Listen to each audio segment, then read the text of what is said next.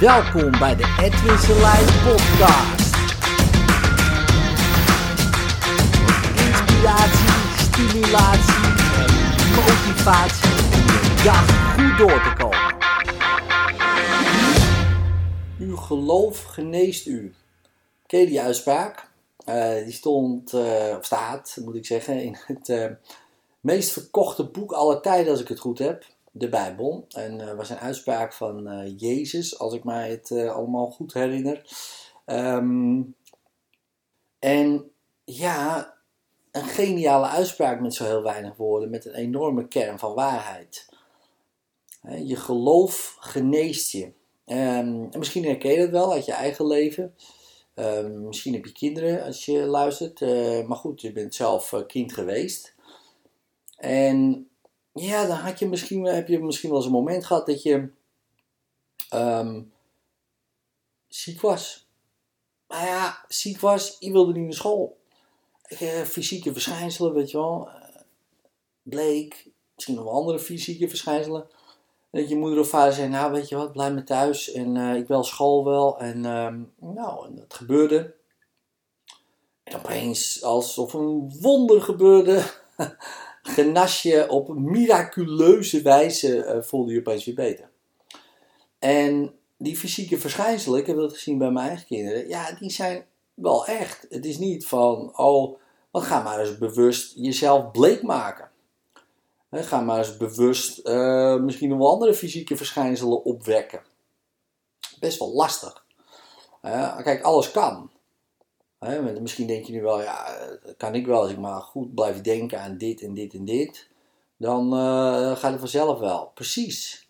En is dat niet interessant als je erover nadenkt? Dus je gaat geloven dat je bijvoorbeeld iets uh, verschrikkelijks hebt gegeten. En opeens voel je je buik. Uh, misschien heb je nog wel herinneringen aan iets. En opeens denk je, oh man, ik word echt misselijk. En dat soort dingen.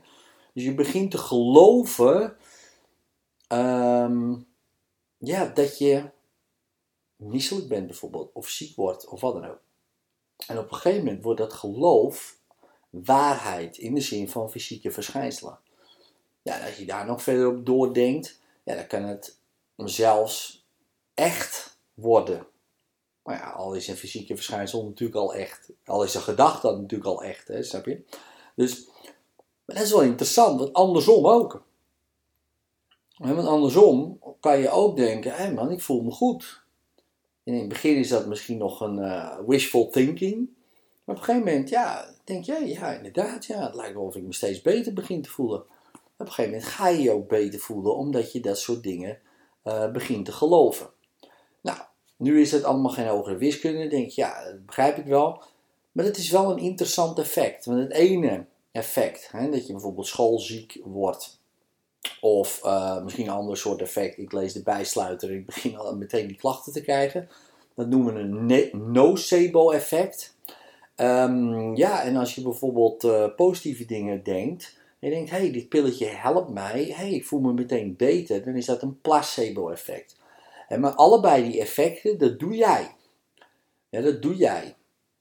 En het kan zijn door een interne uh, gedachte, een interne uh, trigger, een intern uh, beeld. Hè, dat je aan iets denkt, misschien dat je iets voor je ziet, of misschien dat je gewoon ja, je gedachten hebt. dat je dat, um, dat, dat allerlei verschijnselen opwekt. Of iets externs. Hè, dus ik neem een pilletje en ik geloof dat dat pilletje mijn pijn vermindert. Of ik geloof dat dit pilletje mij beter maakt. Of ik geloof dat dit pilletje mij beter doet presteren. Um, en dan, en al zitten geen werkzame bestanddelen in, en dat, die, die onderzoek ken misschien wel, dan nog kan dat effect optreden, mits jij dat gelooft. En dat is wel interessant, want onderzoek wijst ook uit bijvoorbeeld dat als een medicijn wordt gegeven door een dokter in een witte jas, dat het 15% beter werkt, dat medicijn. Dat is een keer ergens gelezen. Ik dacht, dat is wel fascinerend, weet je wel. Dan denk je, ja, 15%, maar dat is alleen die witte jas dan. dus, uh, als de dokter daarbij ook nog zegt van, ja, dit werkt heel goed, of dit werkt heel sterk, dan werkt het nog beter. Als de dokter niks zegt uh, over dat medicijn, dan werkt het minder goed. Dat hij zegt van waar het voor is of waar het tegen is, zeg maar. dus die effecten die zijn er altijd. Ja, en placebo, dat lijkt dan een beetje, nou ja goed, uh, ik weet niet hoe jij erover denkt. Maar dan zeggen mensen, ja, het was maar een placebo-effect. Of dan was het dus niet echt. Weet je wel? Uh, alsof dat effect geen echt effect is. Er zijn mensen geopereerd met een placebo-operatie.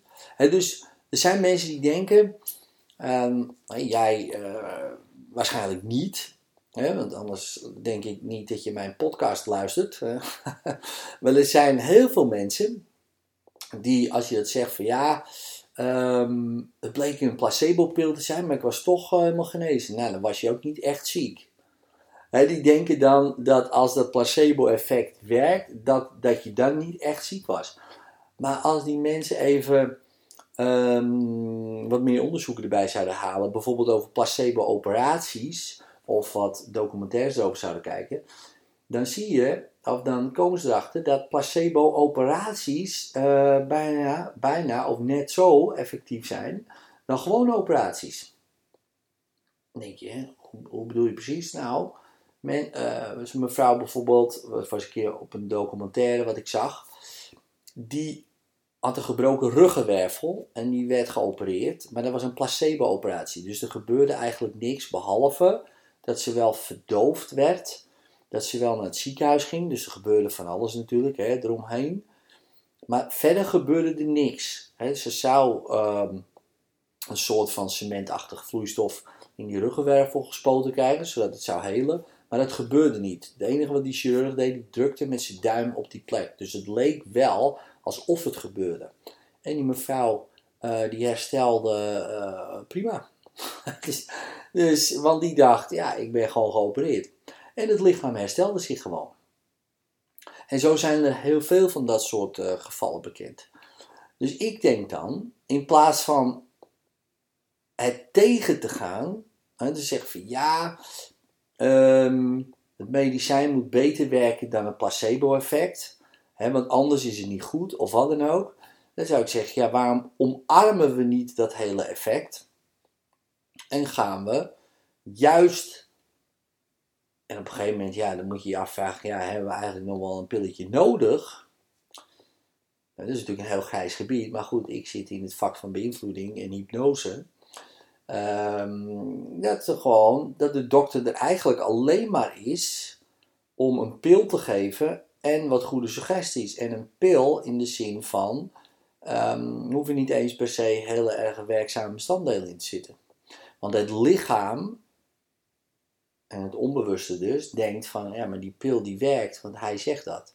En dan zelfs, zelfs, en dan denk je van, ja maar als iedereen het weet, dan werkt het niet. Nou, zelfs als jij het bewust, en dat is helemaal interessant, dat je bewust weet dat het een placebo is, werkt het nog. Dat is super interessant. En hoe werkt dat dan? Nou, dat weten ze niet. Waarom dat werkt, dat is ook een hele aparte, dat is een heel grijs gebied. Dat vinden uh, farmaceuten ook helemaal niet leuk dat dat uh, zo werkt. Want ja, dat is natuurlijk hun verdienmodel, zijn medicijnen. Um, maar ja, ze zouden net zo goed lege hulsjes kunnen verkopen.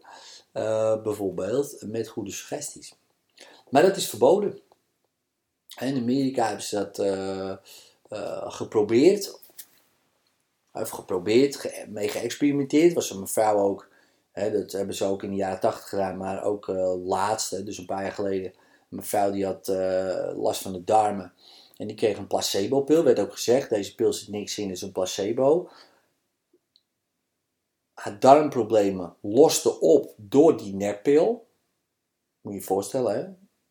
Loste op door die terwijl ze wist dat het een neppil was. Na drie weken was het potje leeg. Toen kwamen die klachten weer terug. Zeg, nou, mag ik nog meer van die neppillen? Nee, nee, dat mag niet, want dat uh, is misleiding.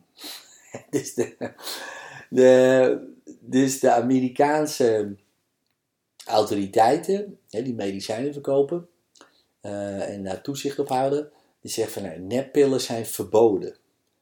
En dat vind ik zo interessant, man.